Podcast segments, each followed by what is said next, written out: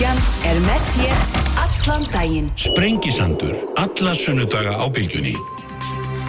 Særi lustendur höldum þá af staði hér á Sprengisandunum eins og leði líkur uh, auðrunni Magnúsdóttir, fangandustur í landvendar verður hér í lok þáttar, þeir verða hér með leðið Arnur Þór Jónsson og Helga Vala Helgadóttir, Hildur Björnsdóttir verður hér líka á eftir en sestur í hamir Viðar Haldursson sem er prófessor við Háskóla Íslands, sæl og blessaður og velkomin. Já, sæl, takk. Sko, hérna, ég setti hérna einhver titil á þetta samtal sem heitir Félagslegi töfrar versus rafvættur nútími. Og þessu félagslegu töfrum er huttak sem ég stál frá þér. En í raun og veru þá er svona ramminu þetta samtal er eitthvað skonar ekki breyting, heldur bilding sem er að verða á okkar daglega lífi í raun og veru í gegnum tækni tækninýjungar, samskipti á þessu tækni sviði sem að þú hefur verið að skoða sérstaklega ekki Já, ég verið að skoða þetta og, hérna, og það er samkvæmlega bilding í gangi, þessi, þessi tæknibilding, þessi samskiptatæknibilding mm. sem við erum að upplifa og sem hefur fengið svona byr undir báða vangi í COVID-faraldrinu. Vegna þess að fyrir COVID-faraldrun þá var verið að svona innlega þessa tækni einhverju mæli, þessa sjálfvirkni, samskiptamiljarnir alltaf komnið fram og allt það Og í COVID þegar við, við, við vorum svona félagslega einangruð og þurftum að vera í einangrun og allt það, þá má segja að þessi samskiptatækni og tæknin hafi bjargað okkur mm. og hjálpað okkur að lifa einhvers konar eðlilu lífi, hjálpað okkur að vera í samskiptu við fólki í kringum okkur, hjálpað okkur að stunda nám, í fjarnámi, vinnu, í fjarvinnu, já, já. panta vörur á netinu og heimsendingu og allt þetta. Þannig að þá kom tæknin inn bara eins og rittari og hvítum hesti og, og hjálpaði okkur að kljást við þá félagslega einangrun sem við vorum að kljást við á þeim tíma. En, en það gerist þá í kjölfarið að við svona förum að taka tækninni sem sörfi öllu og, og, og svona förum úr þessari varnarstöðu og í kjölfar COVID þá flæða þessar tæknilausnir mm -hmm. yfir allt samfélagið og í allt hverstarslífið okkar og eru algjörlega að taka yfir og við sjáum þetta bara víða, við sjáum þetta bæði í samskiptónusvegum og samskiptamilum og netnótkunum okkar, náttúrulega rosalega mikið og allt í símónum okkar. Við sjáum þetta líka í bara eh, fyrirtækjum, það er komin sjálfsafgriðslu kassar og allt það í vestlanir. Við sjáum þetta bankar eru náttúrulega engungu komin á netið og með appi, posthús eru farin, eh, Við sjáum þetta með ymsum hætti, við sjáum þetta á heimasíðum fyrirtækja sem við tölum í spjallmenni en ekki mm. fólk og allt mm. þetta. Þannig að þetta er að taka yfir öll svið hverstarslífsins. Og ég hef verið svolítið að gaggrínin á þetta, að, hérna, að þessa þróun. Það er ekki þannig að allt þetta sé ykkur slæmi hlutir í sjálfu sér. Sko, þú veist, það að, að, að fjarnám er ekkert endilega slæmur hlutur í sjálfu sér eða samskipta miðlara, geta átt samskipti öðruvísi henn að hitta fólk og allt það en þegar þetta sapnast allt saman eins og það er að gerast núna, maður mm. upplifir núna þetta sapnast allt saman þá kvarnast upp úr hversdagslífun okkar, að kvarnast upp úr samfélaginu okkar og nær samfélagi það kvarnast upp úr því þannig að við svona missum svolítið sjónar á því og förum að lifa lífu okkar á forsendum tækninar og við sem tækni heimum frekar en að, að, að hitta fólk og allt það. Mm. Og það er náttúrulega rosalega mikilvægt fyrir okkur að hitta fólk og sérstaklega í nærsamfélaginu, að fara út í búð og hitta fólk og það er mikilvægt fyrir okkur að þekkja nágrann okkar. Það er mikilvægt fyrir okkur að hitta fólk á förnum vegi og allt þetta. Vegna þess að þannig myndum við tengsl við aðra og fáum alls konar hugmyndur og getum skapað alls konar félagslega töfra sem eru jafnvel svona óvæntir, mm -hmm. skilur við. Þegar bara ég fer út í búð þá hitt ég oft ekkert sem ég þekki eða kannast við eða ég fæ einhverjum hugmyndir um, um tísku eða fött og hvað er og mannlega hegðun og hvað þetta nú er og svona, það var síðast bara núna fyrir teimingu síðan, þá fekk ég á, á, á Facebooki á mér, auglýsingu frá fyrirtæki sem sendir heim vörur bara mm. ekki skemma vikunum með að þurfa að fara út í búð mm. og láttu okkur um þetta Já og ég er akkurat á öndverum meiði það Já. er gott fyrir okkur að fara út í, út í búði eða fara og taka þátt í lífinu mm. vegna þess að þá hittum við fólk og það er mikilvægt að hitta fólk og eiga í félagsum samskiptum fólki í kringum okkur Sko þú hefur lagt áherslu á það eftir því sem ég sýnist að við, svona, við vannmetum þetta þennan félagslega svona þátt í lífinu, við gerum þess ekki ná hátt undir höfðu, við séum einblínum á tækni svo að fjármag líka en og fleiri hluti en hérna, við vannmetum nákvæmlega það sem við ætlum að tala um sem svona stóran hluta á okkar. Já, það er svolítið merkum málsins, já. Af, af, af hverju missu við vald yfir okkar félagslu aðtöfnum mm. til tæknifyrirtækja sem græða á tá og fingri á því sko. við gerum það vegna þess að þessi félagslegu öll þessi félagslegu samskipti við áttum okkur ekki mikilvæg vegna þess að uh, þau eru ósýnileg skilur við, sko. mm. það er erfitt að festa fingur á þeim, já, skilur við þannig að þetta félagslega afl, það liggur alltaf í loftinu, það, það hefur ekki einhvern veginn svona einhvern veginn svona haldbæra tilvist eins og peningar mm. eða eitthvað annað sko. og þess vegna kannski gefum við þessum félagslega þáttum ekki ofta vægi sem reyða skilið og þetta ekki bara við þessu, þetta við öllu Við sjáum það til dæmis að störf sem að snúa einhverju félagslegu, þau eru með lægra metin og hafa lægri laun en störf sem snúast um peninga. Kennarar, félagsrákjafar, frístundarákjafar og allt þetta. Þetta eru oft svona störf sem eru uh, ekki metin til hára laun eða virðingar vegna þess að við fela í sér eitthvað sem við höfum ekki svona haldbæra, mm. hefur ekki haldbæran veruleika. Getum ekki mælt eitthvað með beinum hætti. Nei, og sami í háskólunum, félagsvístagreinar, hugvístagreinar eru á lægri skur en, en, en raunvístagreinar, eru í lægri reikniflokkum og ég er mikið verið að vinna með íþróttalið sama þar sko, það er hægt að fjárfest í alls konar búnaði og leikmönnum og alls konar hlaupavestum og mælitækjum og allt það mm. en þú veist, svo er aldrei hægt að setja neitt peningi að vinna með þetta félagslega afl sko og við sjáum bara eins og ég hef notað dæmi um, um Paris Saint-Germain sem er eitt svona dýrasta fókbaltalið í heimum með allar helstu stjórnunar samt einhvern veginn náður aldrei árangri að því allt þetta félagslega er í mólum sko. skilur sko, þetta fjárfæst í öllu öðru. Já. en við áttum okkur ekki á þessu og þessi félagslegi veruleiki verður því oft út, út undan og þá eins við þessu öllu öðru. Tæknin er, er, er einhvern veginn raunverulegri og hún er svona auðveld og auðveldar okkur lífið mm. og þessna verður þetta félagslega þessna svona, svona þess að svona flýtur þetta frá okkur við missum tökinn á því og þetta hverfur bara svolítið. En eh, sko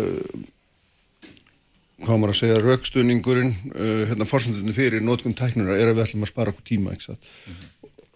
öðlast við það meiri lífskeiði er það ekki rétt, ég meina það er, það er eitt af því sem þetta á að gera, allir þessi heimsendingi eða hvað svo, þetta getur verið í stær, smerri eða starri formi, það skiptir ekki máli. Ég meina þú þart aldrei að fara neitt lengur. Þetta á að auðga lífið þitt, þú þart ekki að eigða tíma í tilgangslös erindi eða tilgangslítil heldur hérna getur þú þá varið tímaðinu með frjóri hætti.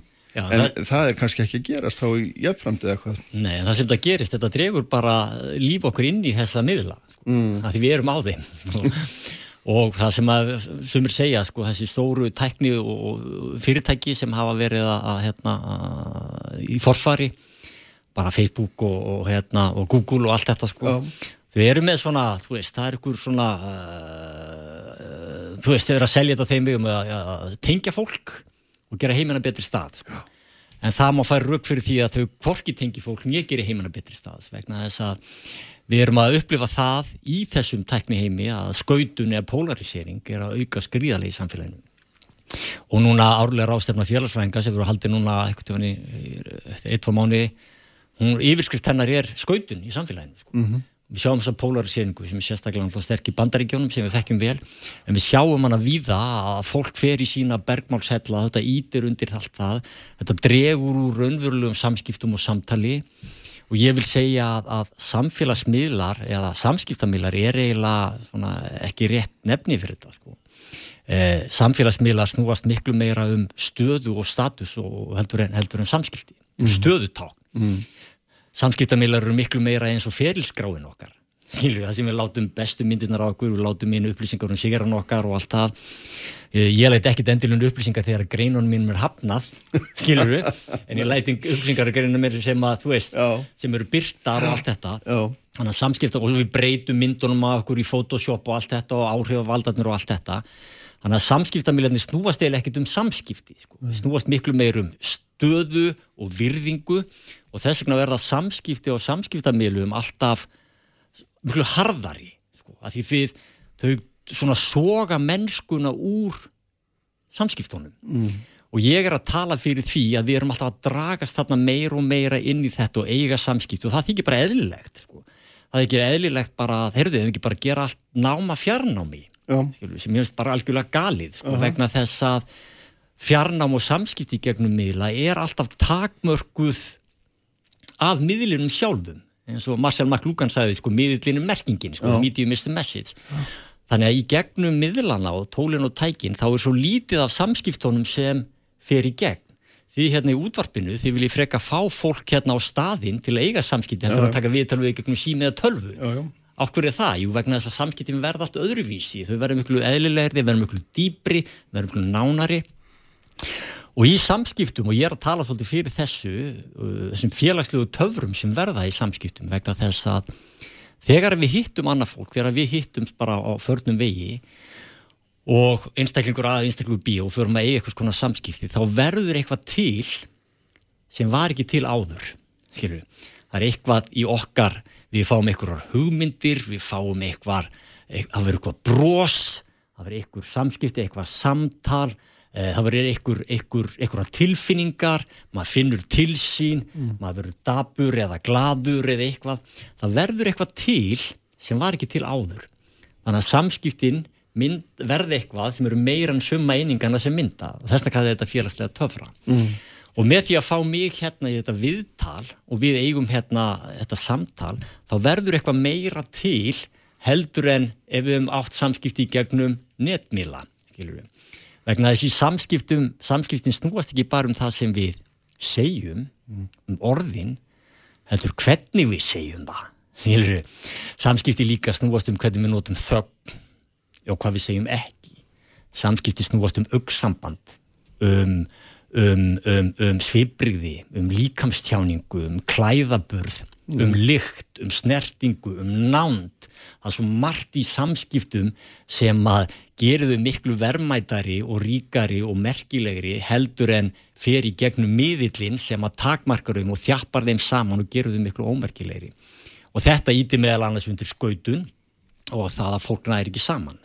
Já, ertu, ertu janta svona velta fyrir þér þessu á svona, hvað maður segja hérna á, á, á fórsendum einstaklinga og svo líka, ef maður segja svona í félagslegra heldaljóman það ekki mjög svona fræðilegt, kjánalegt höfdag hérna, eh, svona í, í stærri myndum eins og þú nefnir, þú þekkir nú mjög vel til þess til í Íþrótarhefingunni veit ég og, og, og öðrum stöðum þar sem að svona hópar koma saman, er þetta, er þetta hérna Ertu jæmt að velta þessu fyrir þér? Já, fyrst er sko, fyrsta lagi sko, samfélagi er að verða miklu einstaklingsvættara, það er verið einstaklingsvæða samfélagi, mm -hmm. vegna þess að allt sem við gerum í gegnum miðlana, það er höfða til okkar sem einstaklinga. Þannig við erum farin að gera allt sjálf, frekar en að gera því samskiptu við aðra. Öll fjölmiðlanótkun til dæmis, veist, við erum farin að nota eh, eitthvað tímaflakk og allt það og bara skoða, horfa á hluti þegar okkur hendar þannig að allt samtalið við allir kringum okkur, það mingar, sko, þetta er alls konar svona hluti. Svo erum við líka með hópa, til dæmis á, á samfélagsmiðlum sem hittast og eiga, og þá verða til þessi bergmálshellar sem að eiga það ekki samskipti við aðra bergmálshella og mm. bergmálshellar eru í þessi eðlis að þeir eru akkurat í anstöðu við aðra, þannig að þar styrkist hópurinn og myndar samílegan óvinn og það er mjög hættulegt. En þetta gerist náttúrulega líka í samfélaginu sjálfu, bara hérna þegar við hittum, það sem að hópar hittast og ég er að tala fyrir því ef við ætlum að eiga, ef okkur á að líða betur, við ætlum að koma í veg eh, fyrir vanlíðan og við sjáum það í núna á undanförnum árum, að vanlíðan er að aukast. Við sjáum það að innmannaleik er að aukast.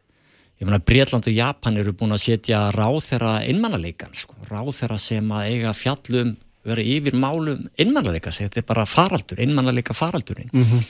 Við sjáum það að kvíði er að aukast, við sjáum það að kulnun er að aukast, mm -hmm. við sjáum það að alls konar fyrring er að aukast í samfélaginu. Höndur þetta sé afspringið þessara tæknibreitinga? Já, þetta er klárlega hluti af því. Oh. og kenningi mín hljóðar út af það að þetta, að þetta sé afspringi þess eða hluti af því og, og, og þessi tæknibilding hún ígir þetta og ítir þessu áfram og, og svona bústar þetta allt upp svolítið sko. Hún, hún ítir okkur miklu lengra í, í, í einstaklingshyggjuna og dregur úr gildum nærsamfélagsins. Hún dregur úr þessum tröstu böndum sem við hefum við aðra, þekkja fólk við, við í kringum okkur, hitta mhm. fólk í kringum okkur, ekki samskiptum fólki í kringum okkur og allt þetta og dregur úr þessu. Sko. Mm.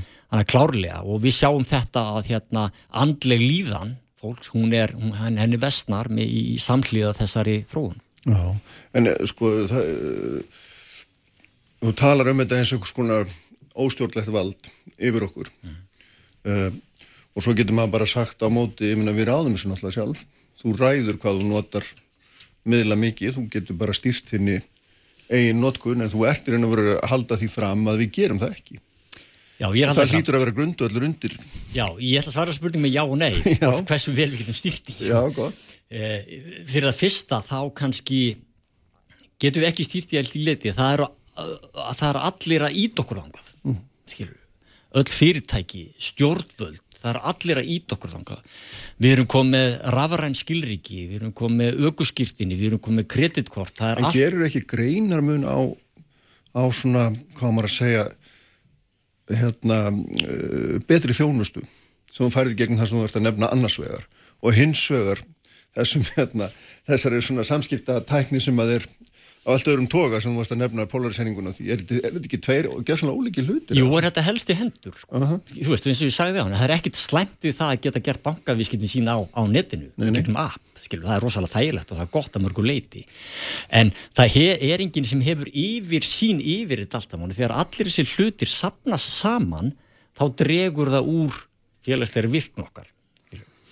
og auðvitað, þú veist hjálpar tæknin okkur og tæknin er ekki aðslæm tæknin er frábær að mörgu leiti en þegar við missum yfir sín yfir þetta eins og núna þegar að sko hefur að setja spjallmenni og allar vefsíður það er svona, það er ákvörðun stjórnvalda, það er ákvörðun uh, bæjar yfirvalda skilur en þetta er bara einn partur af þessu. Og það er fínt að hafa bankavískiptunetinu en við þurfum kannski ekki að gera þetta allt. Skilvirkni á ekki að leiða mannlegt samfélag, sko. skilvirkni er mikilvæg Já. en hún á ekki að vera yfir allt haf, þú veist, hún á ekki að vera yfir og allt um kring, við þurfum að halda í mennskuna í samfélaginu, við þurfum að halda í samskipti. Og varandi spurninguna hérna áðan, við getum að einhver leiti kannski ekki stjórna þessu vegna þess að það eru allir að ít okkur þangað. En svo á móti kemur, þá eru við svona, hjarðhegðunin. Hún, hún er alltaf þannig að við fylgjum með, við áttum okkur ekki á mikilvægi félagslega samskipta það þykir ekkit sérstaklega töff að vera að tala hérna gegn tækninýjungum og framtíðinni sko. og þá er svona þetta mem hérna old man yells at cloud sko, það er bara gett grínamanni sko. þannig að þú veist og við erum bara, við verðum alltaf svo bundin af tíðarandanum og tíðarandin er svona félagslega staðarindir eins og Emil Durkheim talaði um sem eru svona ósynlegt afl sem að stýra okkur og stjórn okkur og ít okkur í okkur áttir skilur. og tæknin og tæknivæðingin og hvað hún er talin sjálfsögðu eðlileg ítir okkur í þessar áttir. Og auðvitað eigum við að gera þetta. Auðvitað eigum við að fá okkur aukurskiptinni í síman okkur, auðvitað eigum við að gera þetta. En á móti kemur þá getum við aldrei skilið síman okkur eftir. Við getum aldrei verið án símans okkar Nei, nei. og það er streituvaldandi að vera alltaf með síman sinn, það er alltaf hægt að ná í mann Mhm. skilur, þannig að þú veist, það, þetta er miklu dýbra en það sko. Mhm. og, og við þurfum að taka svolítið þessa umráð og sjá átt okkur svolítið á þessu heldar samhengi sko. þú veist, það er eitt að segja þetta er auðvelt og þægilegt og auðveldar, okkur þetta hefur aftur á móti einhver ókosti eins og Níl Postmann frægur fjölmilarínir sagði sko, það er algjör miskilingur að halda tæknin og tækni breytingar sem það bæti einhver við samfélagið það gera það ekki, það er umbreyta samfélaginu. Já. og við þurfum að átt okkur á því hvernig þessa tæknilausnir umbreyta samfélaginu til góðs eða íls skilur og ég er að benda á það að það er ímislegt sem við þurfum að huga sem að þessa tækninýjungar og tæknibreytingar tói séu þægilegar og allt það þá hafa þær ímsar ótilætlar afleggingar sem koma illa við andlegt andlega hilsokkar, koma illa við e, hérna, samskipti í samfélaginu, ítundur skautun, ítundur ójöfnuð og neyslu og hafa alls konar ótilætlar afleggingar. En, en það er hérna áhugaverð það sem þú ert að nefna um sko um stýringuna, hérna, heildarsýnina á þessu vegna þess að auðvitað er þetta þannig að þetta er einhverju leiti sjálfsbrottið og þar sem að þetta er svona hérna daldið eins og í æfintrunni gamla daga manni sem ætlaði að hagga niður tríu hvert skipti sem hann hjóða grein þá spruttu fram tvær í, í staðin sko. Og þetta er svolítið þannig að það er hérna það er helur hvað annað Já, þetta var ekkit sko þannig að, að, að þetta var einhver skipulagi svona verður samfélagi til framtíðar. Eins og bara, og tæknin er alltaf svo notuð í einhverjum kannski tilgangi sem hún átti ekki að vera notuð. Sko, bara, þú veist, bæði hérna, með minnir að, hérna, sá sem fann upp atomsprengjuna og, og veraldarvefin, sko, voru báðir bara í öngum sínum yfir því hvernig tæknin var notuð. Og nú er verið að tala um það með, með, með gerfugreindina að við þurfum, heyr, við, við þurfum aðeins að passa okkur og við þurfum að læra af reynslunni að við getum ekki bara látið þetta fara í einhver ráttir. Eins og gerðist kannski með, með interneti og netmílana sem við erum að tala um, þetta fór í einhver ráttir sem voru margar hverja bara mjög skadlega fyrir samfélagið sko. Það myndi hérna, sko, og náttúrulega menn, menn dreymdi um að netið ætti að vera, sko, hinn svona óformlegi vettvangur skoðanaskipta þar sem að, hérna, hinn þróaða rökraði fari fram í samfélaginu, myndi þar alveg lifta líðræðinu, en, en ég held að þessi polarisering sem þú ert að nefna er nú bara, hérna, algjörlega óumdeilanlega. Hún hefur kannski sínt okkur að það, mistu kosti það, hérna, tóst Já, vegna þess að, miður, sko. að samskipta á netinu, þess að þau eru bara allt öðruvísi og þau eru miklu lagari samskipti maður og mann. Um, það er fræðafólk í Stanford háskólanum sem er að gera tilrunir með, með polarisingu eða ná fólki saman og kallaði saman þessi fólkur bara algjörlega ólíkum, ólíkum áttum í, í, í þessum politíku með, með ymsar skoðanir og fekk að koma og hitta svo ræða málumnin við kvöldum þetta töfra sósu líðræðisins mm. eða, eða, eða magic sauce of democracy þar sem fólk hittist og fór að ræða hlutina og fyrstu niðurstu höfður að benda til þess að það sem gerðist er að, að, að, að fólk svona fekk samúð með hinnum mál, málstafnum að því að hittist og áttu auksamband og allt þetta og fekk meiri samúð, meiri skilning á viðforum hinna eh, eh, skipti jafnvel um skoðun mm. skiluru eh, öfgaskoðanir milduðust og allt þetta sko og þetta er það sem að, þetta maður gerist aðra rannsóknir sína það að þegar við hittum fólk á förnu vegi þá reynum við alltaf að láta samskiptin gangu upp þannig að fólk sem er með mjög sterka stöðu efnagslega eða virðingarstöðu þegar hittir annað fólk á förnum vegi þá felur það þessa stöðu og fer á sama plan og það sem er að tala við þannig að mm. samskiptin auglitis, auglitis verða alltaf miklu meiri jafnræðis grundvelli heldur en í gegnum netmila, það sem við erum alltaf með okkur stöðu, við erum alltaf með okkur hördu skoðun og þess vegna er svo mikilvægt að við eigum þessi samskipti og þvert á stjettir og stöður, þvert á stjórnmálaskoðunir, þvert á kynnslóðir og allt þetta og þetta er alltaf tapast úr samfélagin. Þessi samskipti þvert á, á ólíka hagsmunni, ólík viðþór, ólíka reynslu þetta mm. er allt saman tapast mm. og þetta er límið sem heldur samfélaginu saman og þetta er alveg graf alvarlegt mál að mínum mati og við þurfum að ebla þessi samskipti Það er að segja að, að tækni bildingin sé að grafa undan stóðum samfélagsins, það Já. er, það er bóstalega Ég er að segja það, hún er að grafa undan þessari tilfinningu okkar fyrir samfélagi, Já. hún er að grafa undan nær samfélaginu, hún er að grafa undan hún er ídundur einstaklingsíkun og graf undan hugmyndum okkar og þessum samfélagslegu mm. böndum sem halda samfélaginu saman mynda félagsauð félagsauður, social capital þegar eru góð samskipti millir borgarna og millir fólk sem myndast félagsauður sem er auðmagn, alveg svo hvert annað auðmagn sem byggist í trösti byggist í samvinnu byggist í það að hverfin okkar veru örugari glæpir verða fátíðari og allt þetta.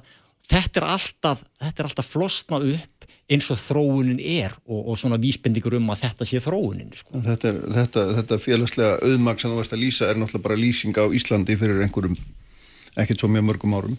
Þá var þetta talið okkar já, vopni Já, jó, við höfum þetta mörguleiti ennþá. Mm -hmm. en, en sko leið og þetta þverrar og leið og það er grafið undan þessu auðmagni þá verða samfélagin verri.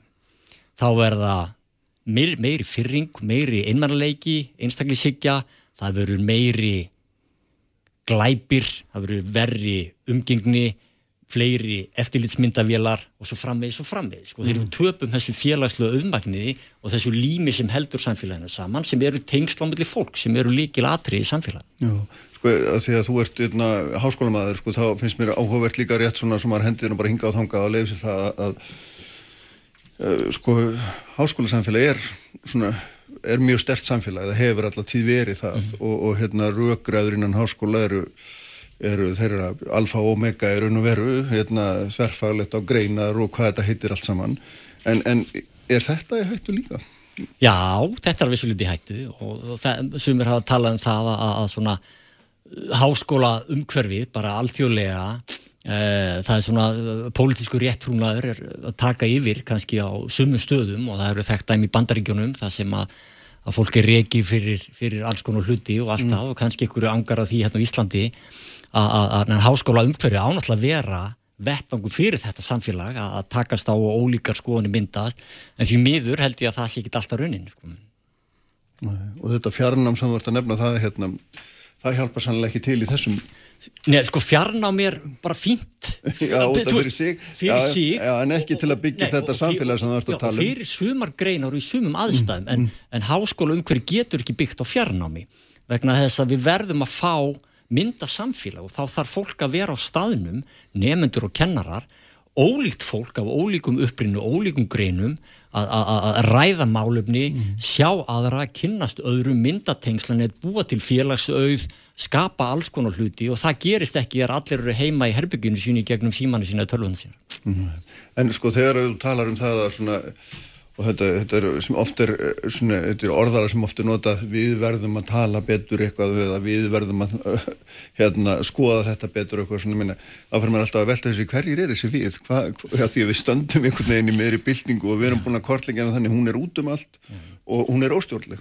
Já, við sem einstaklingar, sko, við getum náttúrulega bara tekið ákvarðanir fyrir okkur, hvernig okkur mun líða betur. Mm Ég held að það sé mjög gott fyrir okkur að passa upp á samskiptin okkur við aðra. Mér finnst alltaf gott að fara út í búð. Mér finnst það bara, þú veist, mér líður vel að því að ég hitti fólk, það er einhver orka í fólki og allt það. En svo er náttúrulega bara stóra myndin, það eru þessar stopnarnir samfélagsins. Hvaða ákvarðanir eru þær að taka? ríkistjórnin, eh, bæjarfélög, háskóli Íslands og allt það sem að leggja náttúrulega línutnar ætlu við að íta samfélaginu ennþá meira inn í þessa tækni, inn á þessa tækni línu með þá einhverjum ófyrirsjöðum afleiðingum skilurðu, eða ætlum við að reyna að sjá kannski stórumyndin og sína einhverslega samfélagslega ábyrð að það þarf að vera eitthvað jafnvægi í samfélaginu. Við getum notað tækninu upp á vissum mætti, en við verðum að passa upp á samfélagi, við verðum að passa upp á að fólk hittist, passa upp á samfélagslega tengingar, passa upp á félagsauðin og við verðum að vernda það. Og ég held að þetta séu gerur stjórnvalda. Já, hvernig gerur þetta? Þú ert að tala um einhvers konar Þú ert að tala um einhver mörk, einhver, einhver, hérna, einhver bönn? Nei, er, eða hvað? nei, ég er ekki að tala um það, ég er bara að tala um ákveðin eins og þetta, núna las ég það eitthvað bara núna um daginn að öll sveitafélag í Íslandi eru komið spjallmenni Já, til að svara fyrirspurnum. Ok, það getur verið gott, en þú þarf líka að vera eitthvað sem tekur upp síman. Þú þarf líka að bjóða upp á það að einhverju geta komið á staðinn og hitt einhvern og fengið úrlöst sinna mála. Við getum ekki fært allt út frá skilvirkni og einhverju hafkvæmni. Við verðum með meðum ekki taka mennskuna úr samfélaginu. Og þetta gerist á Spáni, að því Spáni voru hérna bankarnir að þeirra að loka, og eða stýtta opnum tíma að loka, alltaf verið gegnum app og það var spænskur ellilífyrsteri e, sem að fór bara skar herrur gegn þessari bylgu S- fór í, með undirskriftasöfnun sapnaðist alveg gríðlega mikið undirskriftum og endan kom einhverju ráþerra inn í þetta og bara stóðu með honum, hann sagði bara sko við erum ekki einhverjir fáitar, idiots eins og hann sagði, ég er búin að vera viðskiptavinn á banka og þröngvað mér í að nota eitthvað app. Ég er 78 ára gammal sko, og ég þarf bara þessu að halda. Og ráþræðinu kom inn í það og bankarnir bökkuðu með þetta og höfðu meiri þjónustu fyrir þetta fólk. Og við sjáum eldri borgar til dæmis, ég menna það er rannsóknir sem sína það að hluti af fólki sem fer til læknis er ekki að leita bót meina sinna það er fer til, að, til læknis til að fá félagskap eitthvað til að hlusta á sig. Fólk sem fer í klippingu þú veist, það vil tala við hálfgrutumannin sín en því miður þá verður að henda út eftir klukkutíman vegna þess að næsti á að taka við. Fólk sem fer á bari það vil tala við barþjónin og nú eru komin svona vélmenna barþjórar sem að blanda drikkin þinn skilju, og ég kannski kall eftir því að þeir sem að hafa stýra samfélaginu stjórnvöld stopnarnir samfélagsins hugi að þessu hagkvæmni og skilvirkni gott og sér, þú veist eitt og sér og allt í lagi, maður auðvitað það maður með því en við verðum að passa upp á að taka ekki mennskuna úr mannlegu samfélagi vegna að það hefur afleðingar til lengri tíma fyrir heilsu, fyrir skautun fyrringu og svo framvegis og framvegis, það, verður einhver að sjá stóru myndina. Og þeir sem sjá stóru myndina það eru þeir sem að stýra samfélaginu stjórnvöld og stopnarnir samfélagsins sem þurfa að taka með á þessum hlutum. Ljómandi. Takk fyrir þetta við hérna, þetta var hér fróðlegast að nú skulum við fara út og hérna, reyna að snúa sér við. Já, takk fyrir mig. Besti þakkir Hildur Björnsdóttir hérna hjá mér eitt raugnablík. Sprengisandur. Á bylgjunni. Sprengisandur. Alla sunnudaga á bylgjunni. Sælustendur haldum hér af stað aftur á Sprengisandunum við Haldarsson farin frá mér uh, auður Önnu Magnúsdóttir verður hér í lok þáttarfjöllum þá um, um lagareldi eins og það heitir fiskeldi. Uh, þau verða hérna líka Arnur Þór Gunnarsson og Helga Vala Helgadóttir á eftirins sestur hjá mér Hildur Björnsdóttir sem eru auðvitað oddviti sjálfstæðarflóksins minnum hlutans í borgarstjórn Reykjavíkur. Hildur, velkomin. Takk fyrir. Uh, mér langaði að tala við um fjármál borgarinnar og hérna bauðinu svo sem nokkrum uh, fulltrúum meir hlutar sem koma. Mm -hmm. Engið er það gætt þegar ég bóðið, þannig að þarna, við látum fjárverðir ekki hafa áhrif okkur. Sannlega ekki. Uh, sko hérna, ég meina, það er fyrir tvennu sögum, uh, þegar þessi skuldabriða útbóði, eða það var hættu það í annað skipti núna daginn, mm -hmm. þá hafði lístu tífið miklu mágjum, en borgarstjóri segði að þetta væri allt góða leið, borgin hefði svo tverma grannastar og var ekki nýna vandræðin. Mm -hmm. Lístu aðeins fyrir mig hvernig þú sérð, sérð stöðuna? Já, ég menna við getum byrjað alltaf aftur bara til, fyrir áramót mm. og fjallaði eins um uh, já, umræðum fjárhásállum borgarinnar og útkomusbá fyrir árið 2022 og við erum núna að býða eftir að sveitafélagin skilir sínum ársökningum fyrir síðasta ár og það mann gerast bara núna næstu vikum og varður spennandi. En þá fengum við kynnta útkomusbá fyrir borgina og það var gert ráð fyrir 15,3 miljardar halla af rekstri borgarinnar sem er sexfaldur hallarekstur á það sem var áallad og þetta eru þetta ískeikilega tölur og það voru svo vond að sjá að þarna steigir unni borgarstjóru fram og, og svolítið réttlæti þessa stöðu og sagði þetta er alltaf læg við höfum séða svartara. Mm -hmm en raunin er að það hefur aldrei verið svartara og þetta er nú bara eitthvað sem hver sem er getur kynnt sér. Staðan hefur aldrei verið svartari. E, það hafa svo sem verið gefin eitthvað fyrir hvað tala er þetta? 15,3 miljardar hvað, hvað er dæmis heldar hvað er heldar tekjuborgarinn eða heldar útgjöld bara svo setjir þetta í samengi Já, akkurat, sko þetta var, það var gert ráð fyrir að hallin er eitthvað um 3 miljardar mm. en hann verður þarna, tæpir 3 miljardar og hann verður þarna 15,3 miljardar samkvæmt þessari útkomusbá og þá veltum maður fyrir sér, ég meina hvar liggur einmitt vandin til að setja þetta allt saman í samengi og við erum að sjá að það er ekki, vandin er ekki á tekjuhliðinni, það er ekki tekju vandi hjá borginni, tekjur borgarnar aukast ár frá ári og oft langt umfram væntingar, eh, en hins vegar eru gjöld aukast langt umfram tekjur, þannig að það er útgjaldavandi, eh, við sjáum það líka og það er svona ákveðin teikna lofti og ég bent ítrekkað á þetta að á einungis 5 ára tímabili þá fjölgar starfsmunum borgarnar um 25% og meðan íbúum fjölgar einungis um 10% og þetta er til dæmis ef við berum saman við og það verður nú áhugavertu eftir að taka sérstakann samanbyrð á, stöðun í Árborg sem hefur verið svolítið til umfjöllunar mm -hmm. og stöðun í Reykjavík en þetta er svona eitt af því sem að benda á í Árborg og í kynningu og íbúafundi til íbúa hversun þau eru að ráðast í aðgerðir. Það er ymmit líka til dæmis vegna þess að starfsmönnum hefur fjölgað svona gríðarlega langt umfram íbúaþróun eins og í Reykjavík og þar reynist launakostnaður 59% af tekjunum sem renna í í hérna bæasjóð mm -hmm. í, í Reykjavík er þetta hlutfall 60% þannig að við erum að sjá þarna það er rosalega þungi af bara stjórnkerfinu rosalega stórt og þungt bátt sem stækkar ár frá ári og mest lýsandi dæmið er nú kannski það að, að í næstu viku fer fram stjórnandadagur hjá Reykjavíkuborg í hörpu árlegur stjórnandadagur og ég óskaði nú eftir upplýsingum um það hversu margir fengi bóða þennan dag til að svona fá tilfinningu fyrir hversu margir eru stjórnandadir mm. og þetta eru tæmlega 600 manns tæplega 600 stjórnendur hjá Reykjavíkuborg og mér finnst það svolítið lýsandi fyrir svona þetta ofsalega stóra bákn og stjórnkerfi mm -hmm.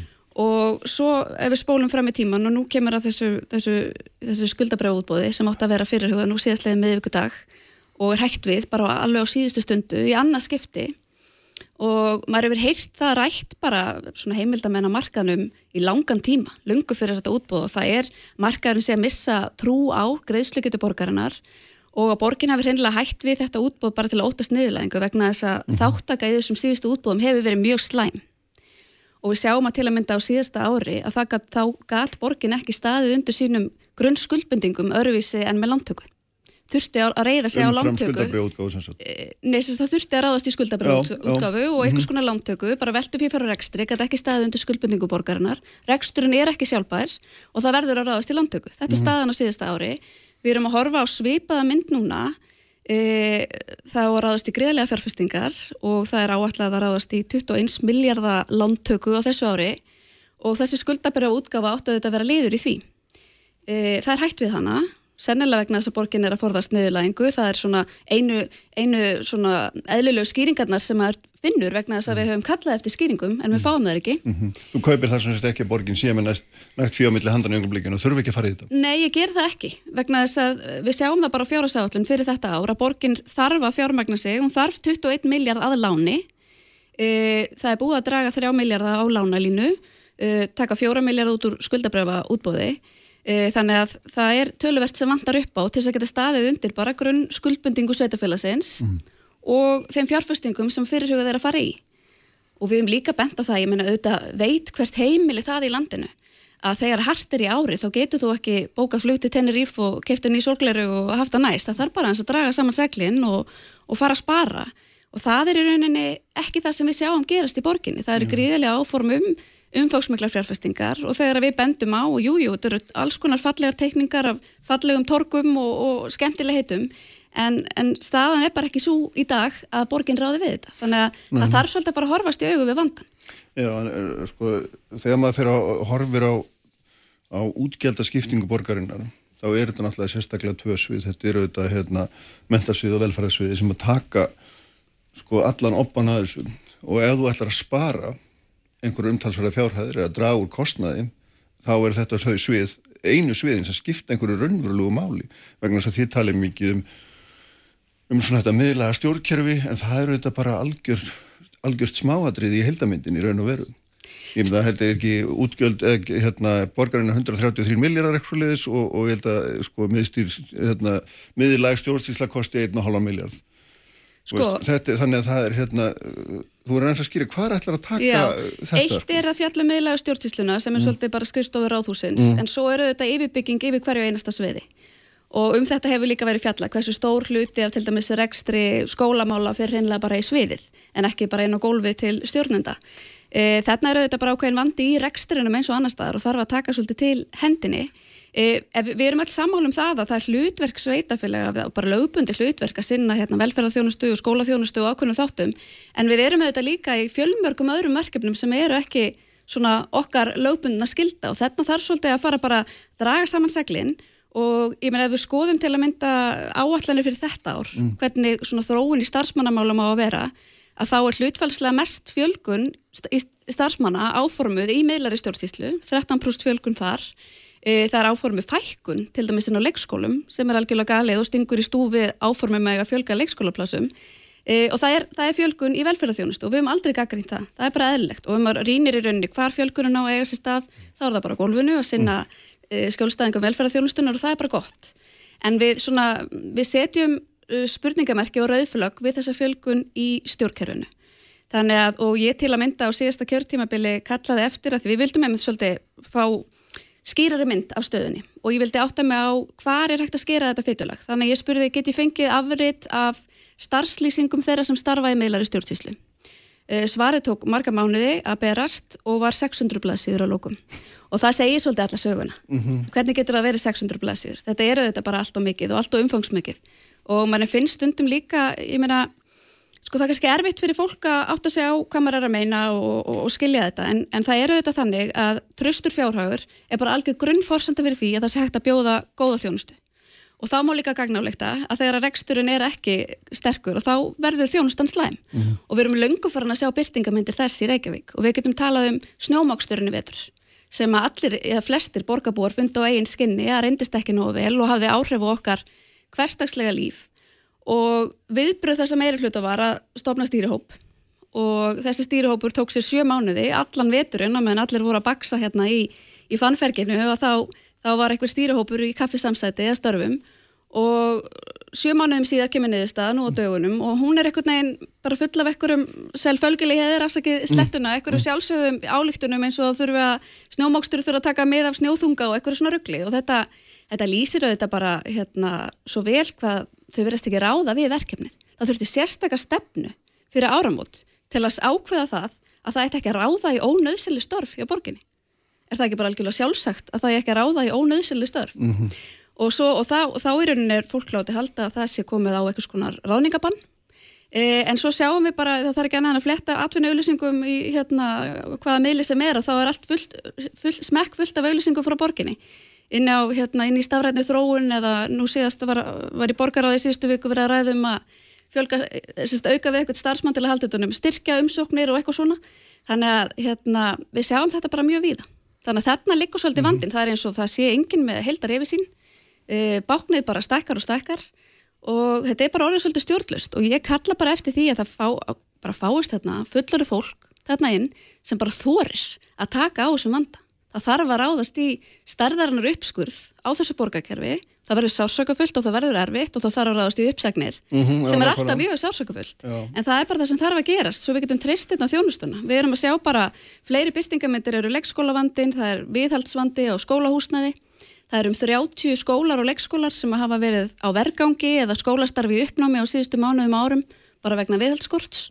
Þannig að við sjáum þess að byrtingamyndir út um allt. Mm Mhm. Reksturinn er ekki nægilega góður. En eins og komst réttilega inn á þann, þá er hérna launakostnaðurinn yfirgnefandi meirhluti hérna útgjalda, hann er Mhm. 60% og hérna þannig að, að aftur þá hlýtur maður að spyrja, ég meina, er það stefna ykkar þá að fækka borgarstarfsmunum Já, verulega? við þurfum að Það fækka í yfirbyggingunni. Það er auðvitað ekki hægt að fækka inn á leikskólum, það er ekki hægt að fækka í þjónustu við falla fólk eða fækka í, á gólfinu í þjónustunni, í, í velferðarþjónustunni. ef þú ætlar ekki að fækka á neinum á þessum stöðum, Jú, þá áttu nú fækka- miklu með erfileikum með að ná Nei, við þurfum að fækka í yfirbyggingunni, þetta eru dýrastu starfsmennir þetta eru dýrastu starfsmennir sem sitja á fínu skrifstofunum Mhm. og eru ofta íþingja fólkinu á gólfinu og þetta eru kannski oft helstu umkvörtunarefni til að mynda kennara að það sé búið að búa til rosalega þunga og stífa stjórnsýslu og eitthvað bákna stjórnkerfi sem starfar yfir þeim og í rauninni íþingir þeim í þeirra daglegu störfum.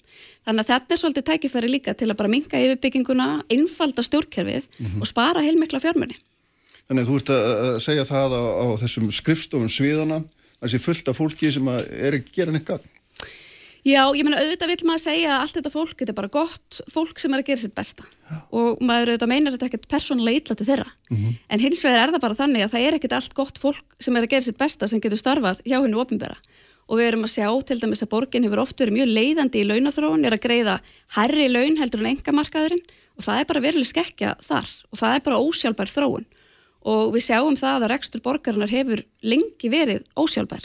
Og við höfum verið að sjá borgarstjóra tína til afsakanir fyrir því í mörg, mörg ár, lungu fyrir COVID.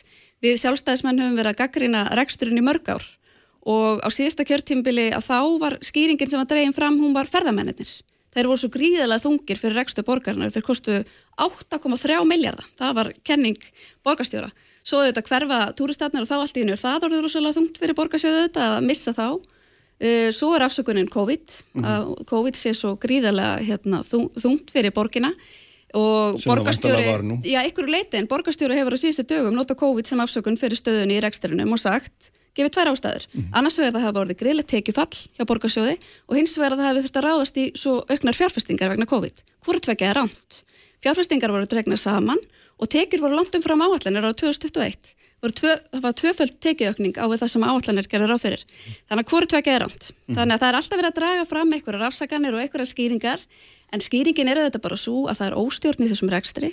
Uh, starfsmunum fjölgar allt og hratt. Uh, það fyrir allt og stór hluti tekna í að greiða vexti og verbætur og allt og þungum og, og stórum lánum og áframætti telja. Þannig að það þarf bara, ég kalla bara eftir því að það kom eitthvað inn og taki í hotnin á þessum vanda.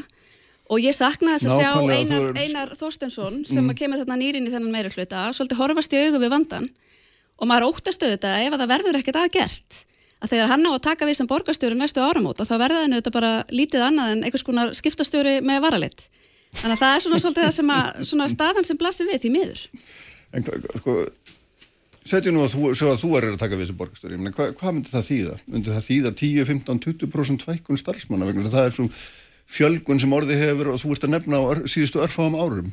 Myndur þú snúa því við?